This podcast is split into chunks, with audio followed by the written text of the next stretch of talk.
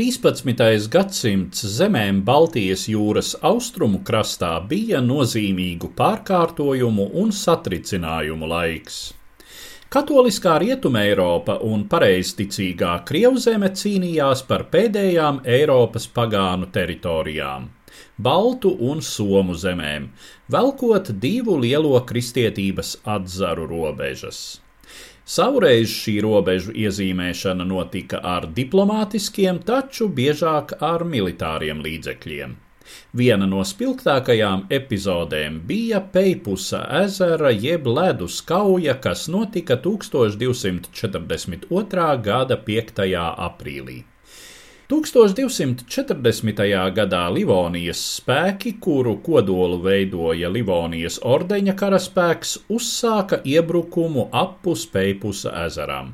Sākotnēji Livoniešiem bija labi panākumi. Krita Izborska, Pleskava pēc neilga aplenkuma atvēra vārtus, jo daudzi turienes bajāri simpatizēja rietumniekiem. Ziemeļos livonieši ieņēma lielu daļu Ingrijas un uzbūvēja savu cietoksni Kaporjē, aptuveni pa vidu starp Narvu un tagadējo Sanktpēterburgu. Viņu vienības jau tika manītas 30 km attālumā no Novgorodas.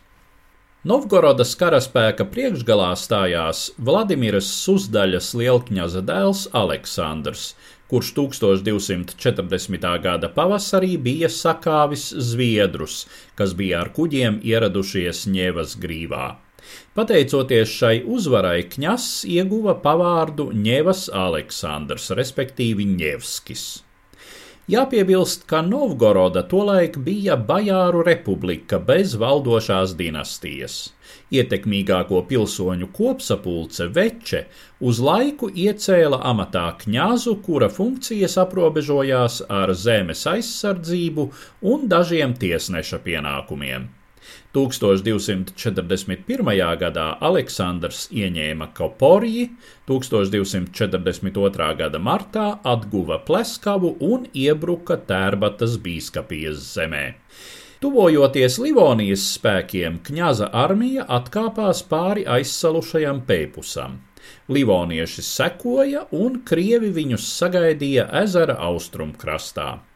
Iespējams, tas bija mērķtiecīgs kņaza Aleksandra manevrs, lai piedabūtu pretinieku cīnīties tam neizdevīgā pozīcijā.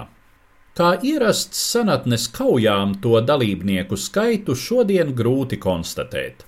Dažādos avotos minētie skaitļi svārstās no septiņiem ar pusi līdz pat nepilniem 30 tūkstošiem.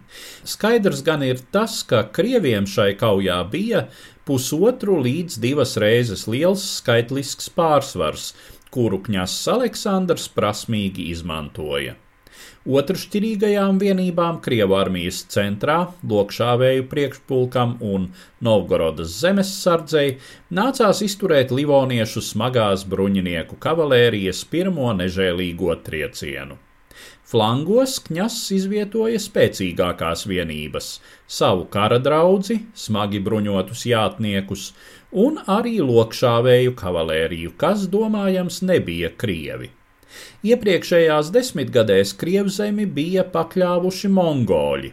Arī Aleksandrs Ņevskis bija Hāna vasalis, un iespējams viņa karaspēkam bija pievienojusies mongoļu vai kādas mongoļiem pakļautas stepju nomadu tautas vienība. Šis flangu karaspēks viegli tika galā ar vieglāk bruņoto livoniešu kavalēriju, un pēc tam bez grūtībām atsvieda kājniekus, kuru lielākā daļa bija igauņi. Livonijas ordeņbrāļi un citi vācu bruņinieki bija lieliski karotāji, taču pārspēka ielenktiem un pagurušiem viņiem nebija cerību. Stāsts par to, ka daudzi no bruņiniekiem ielūzuši ezera ledū, gan ļoti iespējams ir vēlāku laiku izdomājums. To masu apziņā nostiprinājuši kadri no Sergeja Eizensteina 1938. gada filmas Aleksandrs Ņevskis. Stāstīja Eduards Liniņš.